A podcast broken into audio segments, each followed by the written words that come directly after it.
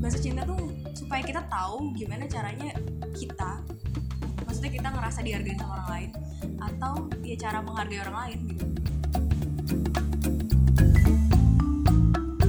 Kita sebenarnya juga bisa tahu oh ini tuh menjadi vulnerable partnya dari orang itu sebenarnya tapi jangan sampai cuma satu arah kayak nuntut gitu. Aku kan maunya dijemput aku maunya lalala tapi dia nggak pernah mikirin sebenarnya pasangannya kayak gimana gitu. yes. Jadi menurut gue yang paling penting emang proses diskusi dan kompromi gak sih di Iya, dalam betul. hubungan tuh ya? Kalau tadi pertanyaannya adalah Sabila tadi bilang enakan kita punya pasangan yang sama atau yang beda? Eh, kalau menurut gue bukan nggak peduli cuy Iya. beda aja cuy Beda, cuy. kayak gitu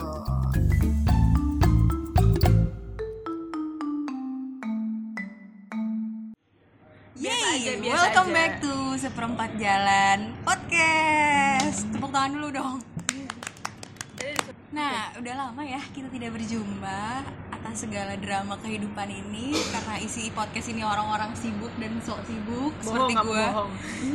Jadi, akhirnya kita rekaman lagi. Yeay. Eh, Kali ini sebenarnya kita mau bahas topik tentang ya seperti yang sudah ada di judul. Dan kenapa gue tertrigger untuk membahas? Karena sebenarnya ada kejadian beberapa waktu lalu. Temen gue nih ngadu ke gue bilang gini "Eh, Din kenapa sih? Gue tuh udah melakukan segala sesuatu buat gebetan gue gue udah nganterin dia pulang. Terus Bucin, bucin. iya terus gue udah eh, ngasih dia kado mahal di saat ulang tahun gitu. Tapi dia nggak ada feedback ke gue. Dia tetap gitu-gitu aja ke gue. Terus gue ketawa aja. Karena sebenarnya menurut gue masalahnya bukan di ceweknya yang tidak menghargai tapi emang ada perbedaan aja. Ketika cowok itu ngerasa oke gue cukup memberi dia ABCD dan gue ngasih servis dia ABCD tapi si ceweknya ini ngerasa bukan itu cuy yang gue butuhin gitu. Dan sampai akhirnya gue keinget ada satu term yang namanya love language yaitu bahas atau bahasa cinta ya kita ngomongnya di sini. Yes Apa tuh bahasa cinta? Bahasa cinta itu eh, ada lima. Kalau menurut si Chapman Chapman ini. Chapman gak sih? Eh, Chapman. Chapman ya? Chapman. Chapman ya? Iya, Chapman. Chapman dia bilang kalau bahasa cinta tuh ada lima apa aja tuh sap Jadi sebenarnya yang umum tuh ada eh, lima. Yang pertama tuh quality time, kemudian ada receiving gifts, acts of service, eh, words of affirmation, sama physical touch. Eh Yes. udah gue sebut semua Udah, udah, sebenarnya? udah. Tadi? Ya, Iya. Sama physical touch kayak gitu. Ada lima. yoi Nah, mungkin kita bakal jelasin dulu nih satu persatu eh, dari makna ya makna ya makna dari tiap-tiap eh, bahasa cinta yang tadi udah gue sebutin. Yang pertama tuh eh, ini bahasa cinta gue sih sebenarnya. Yang pertama tuh adalah quality time. sama cuy lu Oh, juga nggak apa dia Gue tuh jadi dari lima ada tiga yang nilainya paling tinggi di atas dan sama semua. wow. Waduh, dominan banget. Iya, parah kayak gue pengen dicintainya dengan berbagai cara. Ya. kayak agak gampang mudah oh gitu. oh gampang ya. membahagiakan gue tuh gampang. Siap. Oh iya sih, bener sih. Karena apa aja? Nyambung bisa. nyambung betul. Oke. eh tapi disclaimer dulu. Jadi tuh yang tadi lima itu Mm-mm. itu bentuknya kayak ranking gitu ya cuy. Let- itu tuh sebenarnya kita semua punya jadi lima limanya tuh kita semua punya tapi dalam diri kita tuh ada yang paling dominan ya makanya yang tadi Sabila bilang quality time itu adalah bahasa cintanya itu adalah bahasa cinta yang paling dominan ya kan Iya, betul. Yes. Nah, jadi apa sih quality time itu? Bener-bener kayak gue senengnya nih Hmm. bahasa cinta gue kalau uh, gue showing affection ke seseorang itu dengan gue menyediakan waktu dan menyediakan atensi gue terhadap orang tersebut. Yes. Gitu.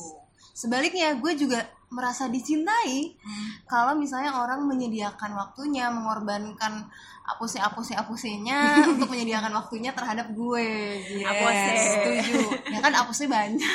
Wah. sebenarnya kalau gitu. gue sama kan Hmm. sesimpel kayak misalnya kita lagi ngumpul gini nih gue, gue selalu merasa dicintai atau dihargai itu ketika gue eh ketika orang-orang di sekitar gue tidak memegang handphone dan menatap gue dengan sama gitu Hmm. kayak itu gue merasa oh, oke berarti gue ngerasa dihargai dengan cara itu gitu Yuk liatin Dini yuk. Gak gitu cuy liatin anak yang butuh nah panggung. terus kalau selanjutnya bahasa cinta lo apa deh bahasa cinta lo yang paling atas yang dulu paling ada, Ada tiga. tiga. yes ya jadi kalau yang paling yang paling atas itu yang tiga itu seingat gue jadi tuh dia berubah-berubah gitu biasanya tapi angkanya pasti sama. Ya, yang selain Hmm. quality time apa? Yang selain quality time itu gue uh, words of affirmation sama physical touch. Kalau words of affirmation apa yang lo tahu? Words of affirmation itu kalau uh, gue merasa uh, eh iya gue merasa dicintai kalau gue diberikan kalimat-kalimat penyemangat kalimat-kalimat positif Oh, misalnya oke. kayak gila gue bangga banget sama lo atau kayak "Eh, lo keren deh dan segala Hmm. macam nah gue juga suka ngasih hal-hal itu ke orang lain Hmm. kayak gue memastikan mereka tahu kalau mereka tuh sekeren itu gitu Hmm, hmm, hmm. terus kalau physical touch ya udah lu kayak bucin-bucin aja pegangan Oh, oke ya nggak tapi mungkin Eh, kalau tapi lagi sedih pengennya dipupuk Iya gitu gitu kali gitu. ya. Maksudnya kayak eh, showing apa sih kayak gesture-nya gitu loh, kayak eh, nurturing gitu loh kan. Kayak gitu. gue sebaliknya tuh gue physical touch malah paling bawah eh jujur gue nomor dua dan bedanya sama quality time gue cuma satu Nah, berarti lumayan. gue tuh makanya kalau si. Dira udah nyelendut lendut gue gue nggak suka tuh Nah, cuy. itu itu gue juga gue dulu tuh. pernah waktu SMA eh, diprotes sama temen gue kayak dia marah, dia marah jujur. Kenapa sih kalau gelendotan-gelendotan gue sama gue gitu dan gue merasa kayak emang kenapa? Gue suka, gue membutuhkan hal Iya, itu iya, gitu. iya, iya. Terus baru gue sadari ternyata oh emang mungkin love language dia bukan physical touch. iya iya iya iya. berarti tadi kita udah bahas tiga ya pertama quality time kedua Words uh, of words of affirmation, affirmation sama ketiga sama physical touch terus selanjutnya ada receiving gift nih receiving gift tuh ya entah kita, eh, kita tuh merasa dicintai ketika kita dikasih kado dikasih apose-apose. Iya. kalau di Wow, kalau di keseharian mungkin saya. dikasih itu dikasih post it sama beng beng ya kan itu tuh psikologi banget. itu kayak bisa dua deh post itnya kan words of affirmation gak sih? Oh iya ya benar. Kan jadi ada tulisannya iya semangat Iya, lalala iya, ya iya. tapi beng bengnya itu receiving gift. Kalau orang yang bahasa cintanya Oke, receiving kita nggak gift dia ada ngerasa sponsor beng beng betul Oh, ya? iya. Kalau orang yang receiving gift mungkin ngerasa dia dihargai dengan beng-bengnya. Tapi kalau orang yang lebih word affirmation nih bahasa cintanya oh dia lebih suka post itnya iya iya iya. bener.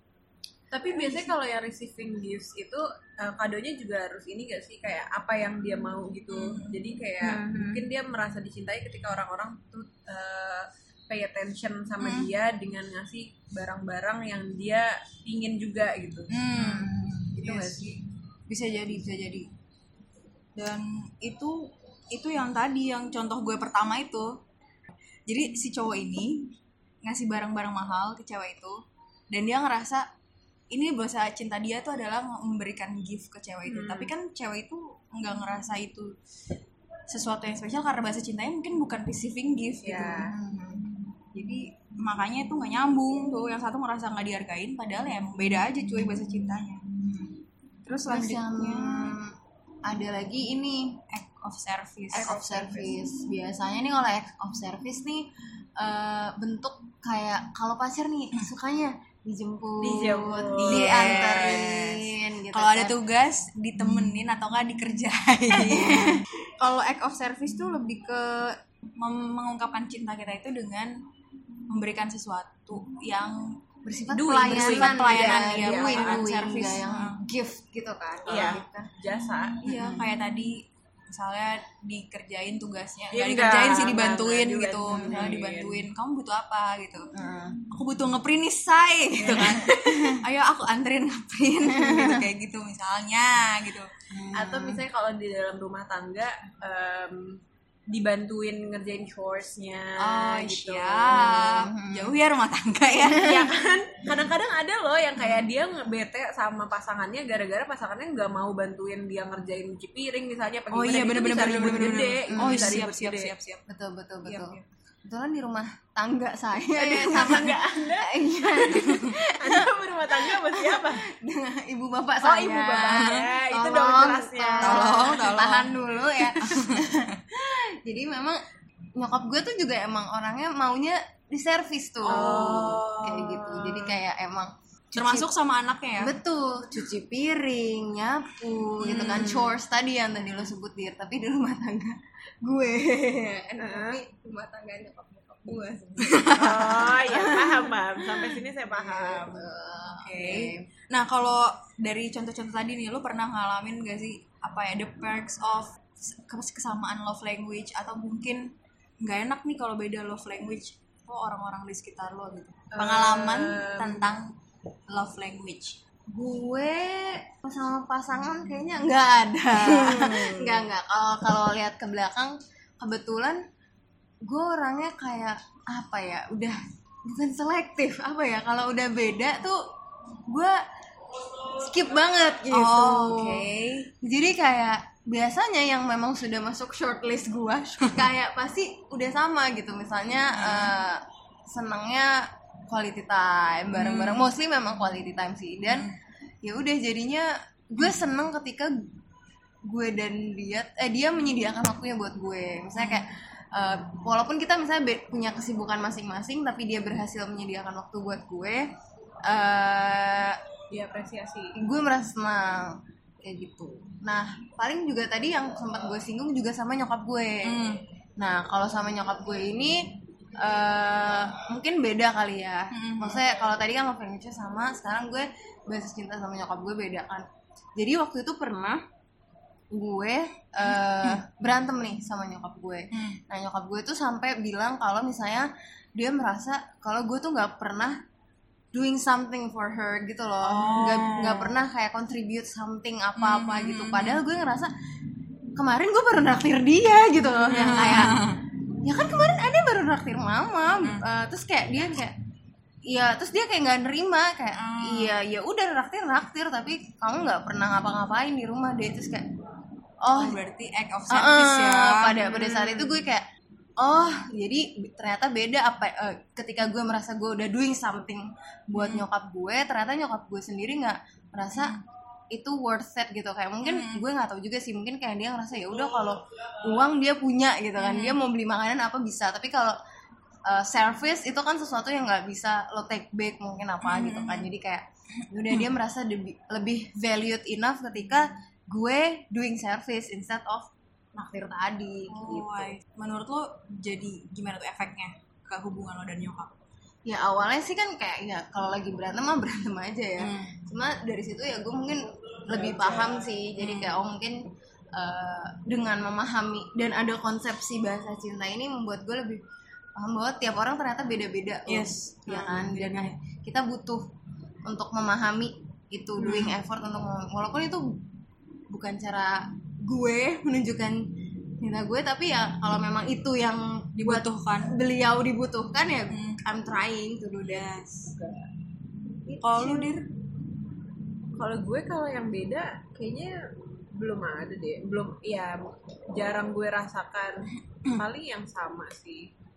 Misalnya kayak kayak sama yang sekarang deh dia eh, love language-nya waktu itu abis ngisi tes eh, quality time paling atas. Mm. terus gue juga quality time kan one of eh, Ya, itu yang top yang gue kan ya terus jadinya eh, gue sama dia merasa walaupun nih gue belum eh wala- walaupun kita tiap hari chat walaupun kita tiap hari ngobrol tapi kalau misalnya kita belum jalan bareng terus kita belum mungkin sesimpel teleponan itu kita belum belum kayak duh belum belum belum belum puas nih gitu. Gitu. jadi kayak kalau misalnya gue lagi sibuk atau gimana gue menyediakan waktu buat ntar malam misalnya video call atau gimana atau dia pun begitu itu merasa lebih enak gitu Mhm. terus kita berdua tahu kan akan hal itu dan gue merasa itu jadi kayak udah enak aja sih maksudnya gue ngerti kenapa dia sepingin sebutuh itu untuk ketemu gue dan kenapa gue juga uh, pingin ada waktu dia punya waktu buat gue jadi kita berdua ngerti Hmm. Yes. Dan so far lu enak ya berarti kayak sama-sama Sama. itu bahasa cintanya Iya. dan nggak ada adjustment yang berarti dong.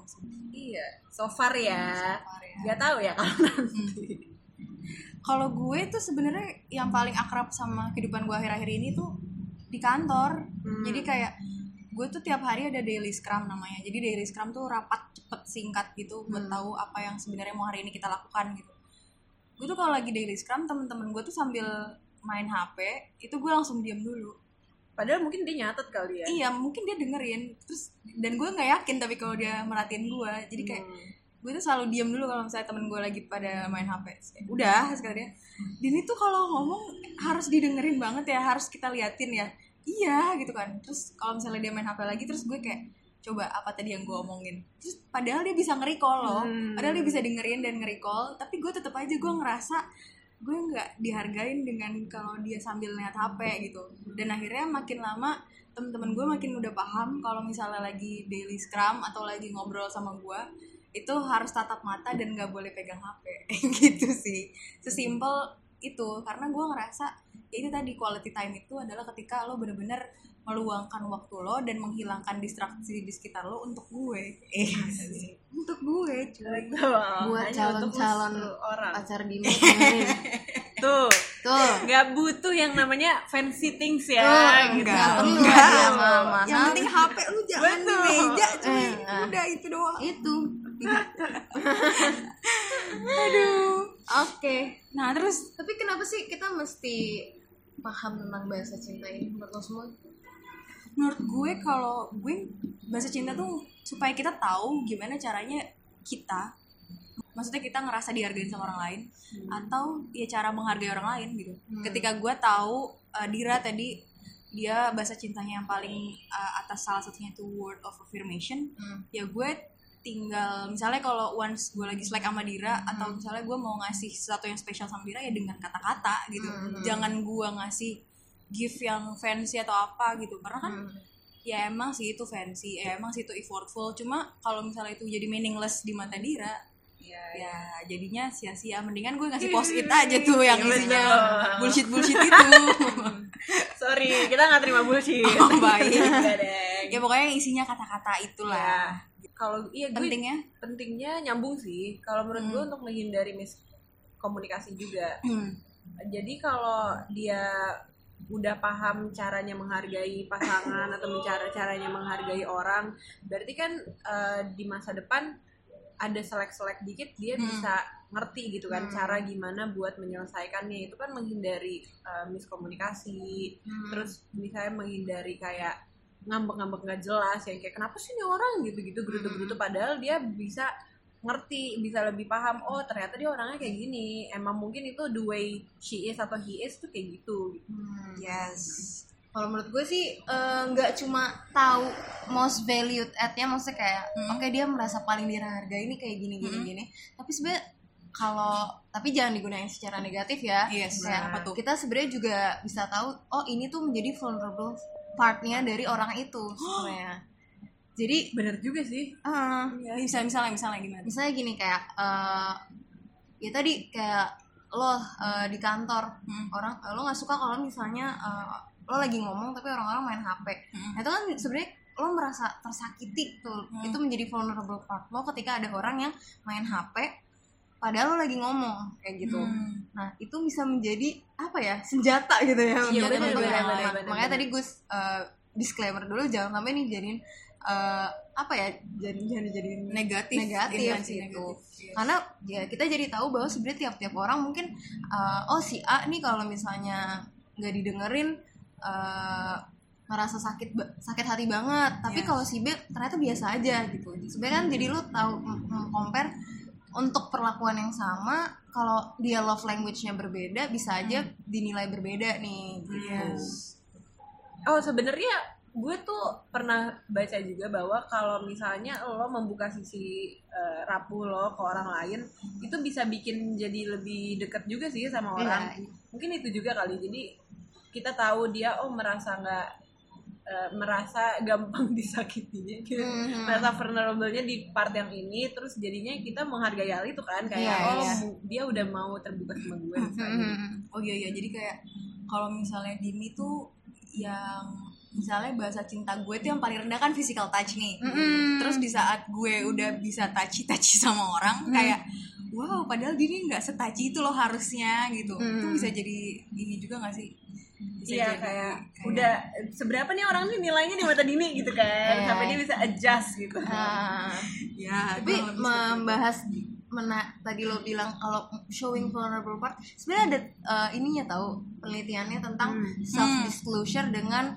eh, ini kepuasan dalam hubungan Mantap. Wow, Iya, ini skripsi apa? nih denger denger. tidak tidak tapi eh, ya sambil baca skrip buat skripsi kan suka ke mana-mana Iya, ya iya, benar. gue emang tentang kepuasan dalam perkawinan Hmm. tapi maksudnya kan ini kan in general ya in any relationship ternyata ketika lo disclosure atau lo menunjukkan apa ya membuka diri lo terhadap partner lo terhadap pasangan atau siapa pun lah ternyata kepuasan dalam hubungannya juga lebih meningkat Yes. Betul. Iya sih. Eh tapi itu subjektif gak sih? Sap? Maksudnya gue gue ngerasa itu sangat Ah. benar di dalam diri gue selama ini ketika gue Hmm. menjalani hubungan gue akan eh, merasa lebih nyaman, gue akan ngerasa lebih bahagia di hubungan ketika gue tahu eh, ya tahu pasangan gue karena dia terbuka gitu. hmm. Tapi ada gak sih orang-orang yang sebenarnya nggak se open itu juga bahagia-bahagia aja gitu.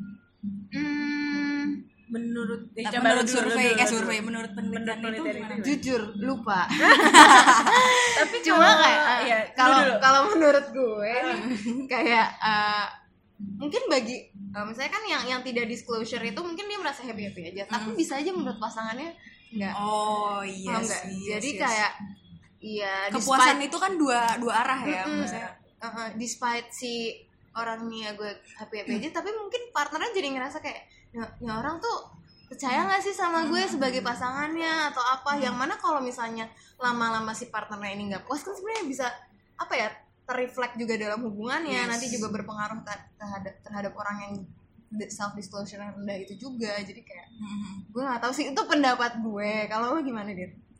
Mirip sih kalau Hmm. menurut gue mungkin dia lebih bahagia tapi bahagianya eh, levelnya mungkin agak lebih rendah dari yang iya. dia eh, Disclosure-nya. lebih banyak. Atau kalau misalnya kita balik ke definisi bahagia mungkin itu sangat subjektif ya. Betul. Jadi lagi sih berarti Iya definisi sih, dari satisfy dalam hubungan itu kan subjektif kan. Iya. Makanya ketika eh, tadi kita ngomongin satisfaction ya tergantung orangnya. Cuma yang jelas kalau misalnya udah sampai riset itu kan berarti satisfaction itu udah di udah di measure nah berdasarkan measurement itu orang-orang akan lebih satisfy ketika Pasangannya pasangan lebih terbuka. gitu jadi ya balik lagi ke masing-masing eh, definisi satisfactionnya tuh gimana kalau dihubungin ke love language itu kan Hmm. love language ini kan salah satu cara Pemicu, ya, pemicu, lu lo bisa terbuka sama orang. bisa Hmm.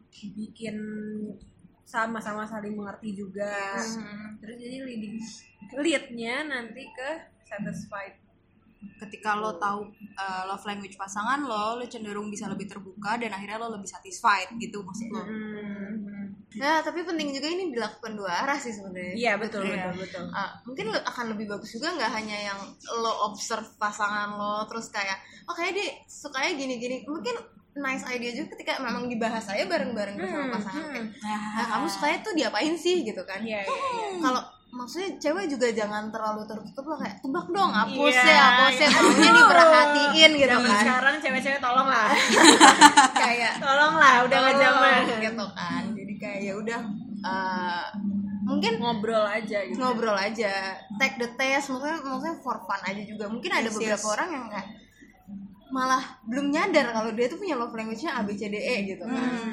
Eh, boleh dibuka ya five language Eh, eh, of five love.com ya? five language of love. Five love language deh Iya, five uh, love.com Heeh.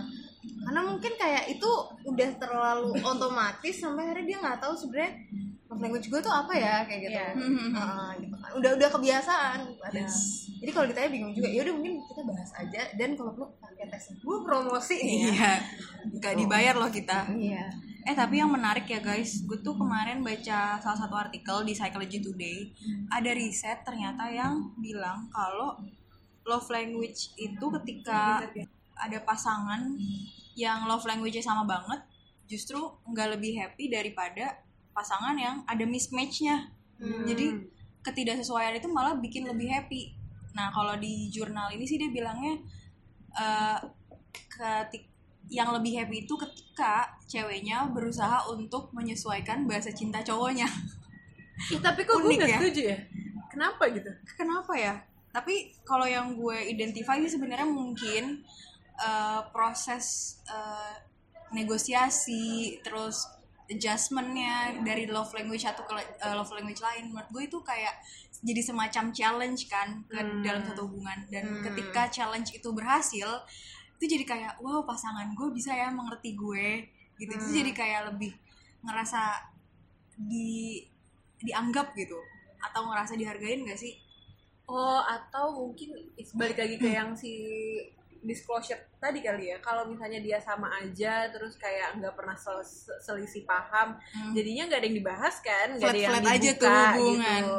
Bener sih bisa. Oh, gue baru paham. Yes. bisa bisa. Eh, gue sendiri ini ini nggak tahu ya kejauhan apa enggak tapi gue tuh pernah bertanya gitu ya pada Bapakmu. temen gue enggak temen gue aja kayak eh menurut lo pasangan tuh lebih bagus yang sama-sama kita apa yang beda sama kita sih yes Hmm. Iya nggak sih Tapi dalam hal apa dulu? Uh, anything gitu anything, maksudnya kayak oke. uh, bahasa cinta kayak atau misalnya personality maybe yang kayak Hmm. satu introvert satu extrovert gitu tapi pada akhirnya gue menemukan pada suatu jawaban gitu ya kayak ada yang bilang uh, ya enaknya sama enaknya beda gitu. Kalau beda kan kayak uh, bisa take the counterpart. Misalnya lo lagi Iya.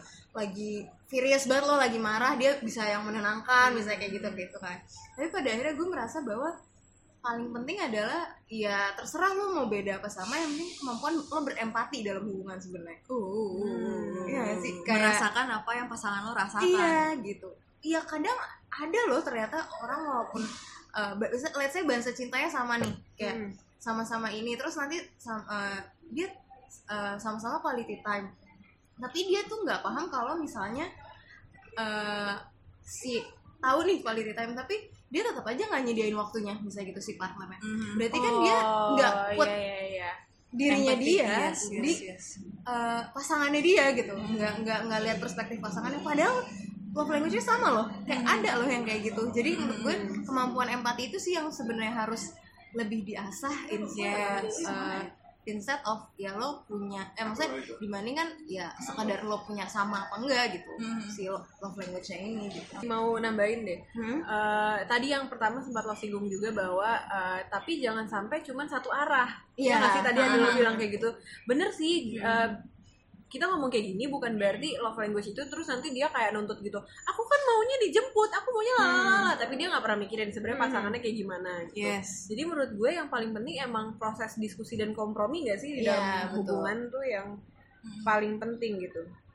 karena Dan- jangan sampai juga mentang-mentang kita uh, tahu gitu ya kayak let's say oke love language gue tuh uh, receiving gift gue maunya tuh dikasih hadiah hadiah hadiah tapi misalnya par- partner lo receiving gift tuh yang paling bawah misalnya kayak Hmm. gitu jangan sampai lo juga memaksakan uh, si partner lo ini untuk berubah yes 100% buat lo gitu ya Iya, kan iya, berarti iya. lo juga nggak empati ke dia empati ke dia nggak memahami bahasa cinta Hmm, dia hmm, jadi hmm. kayak makanya itu penting juga untuk dilakukan dua arah dan empati tadi berarti kalau menurut gue love language itu ya bukan satu-satunya faktor kan Iya, dalam benar. kepuasan hubungan dalam kebahagiaan Hmm. hubungan ya masih banyak faktor-faktor lain yang sebenarnya bisa jadi complementary faktor di dalam hubungan gitu Hmm. keutuhan hubungan gitu jadi coba ya yang bijak ya mendengarkan ini adalah salah satu faktor aja dan masih banyak di luar sana faktor-faktor yang lain kayak tadi contohnya empathy terus menurut gue yang paling penting juga respect Hmm. Iya. nggak cuma memahami tapi juga kita menghargai kalau respect kan Hmm. ini kan kita ngomongnya di hubungan konteks hubungan romantis Yes. ya kan nggak mungkin lo uh, cuman maunya dimengerti doang kayak Hmm. iya benar gitu kan pasti Hmm. pasangannya juga mau dimengerti kalau tadi pertanyaannya adalah Sabila tadi bilang enakan kita punya pasangan yang sama atau yang beda Eh, kalau menurut gue dua-duanya nggak masalah Hmm. gitu kan dan ya kalau misalnya beda pun ya bisa jadi malah justru kayak komplementer gitu nggak sih Hmm. kayak kita saling melengkapi Iya. gitu kan dan kalau misalnya sama ya ya alhamdulillah gitu Hmm. jadi nggak ada nggak ada rules khusus sih kayaknya buat memilih pasangan coy preferensi orang beda-beda Iya. cuma makin ke sini yang gue hadapin ya di sekitar gue orang-orang tuh makin milih pasangan tuh bukannya yang sama tahu yang komplementer gitu Hmm. jadi kayak dia tahu bahwa dirinya sangat-sangat egois sangat-sangat keras kepala akhirnya memilih pasangan yang eh, cenderung bisa menurunkan egonya dan juga uh, cenderung nurut gitu. Ya nurutnya bukan iya iya doang tapi kayak uh, memposisikan dirinya tuh nggak lebih keras kepala lah gitu. Kalau sama-sama keras kepala kan mati kan tuh hubungan Iya, iya, gitu. makin ke sini sih gue ngeliat gitu sih kalau di lingkungan gue ya tergantung Tapi orangnya iya, tadi sih. tergantung orangnya. tergantung mungkin biasanya kayak ujung ujung-ujungnya ya uh, ada beberapa deal breaker gitu ya atau deal Hmm. maker yang memang oke gue punya deal breaker dalam mencari pasangan tuh tiga poin ini Hmm. oh dia nggak ini ini jadi kalau yang lain terserah mau sama atau beda Iya. yang penting kalau deal deal makernya ini terpenuhi atau deal breakernya ini jangan sampai ada itu Bisa.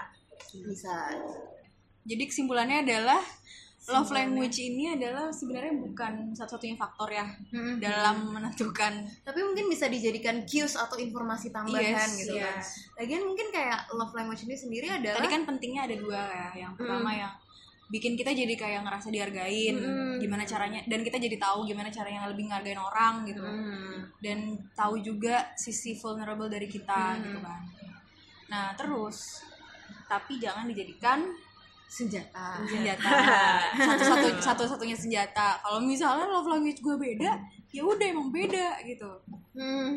jangan kayak gitu juga gitu Ya, intinya kalau dalam hubungan mah ya diusahakan lah.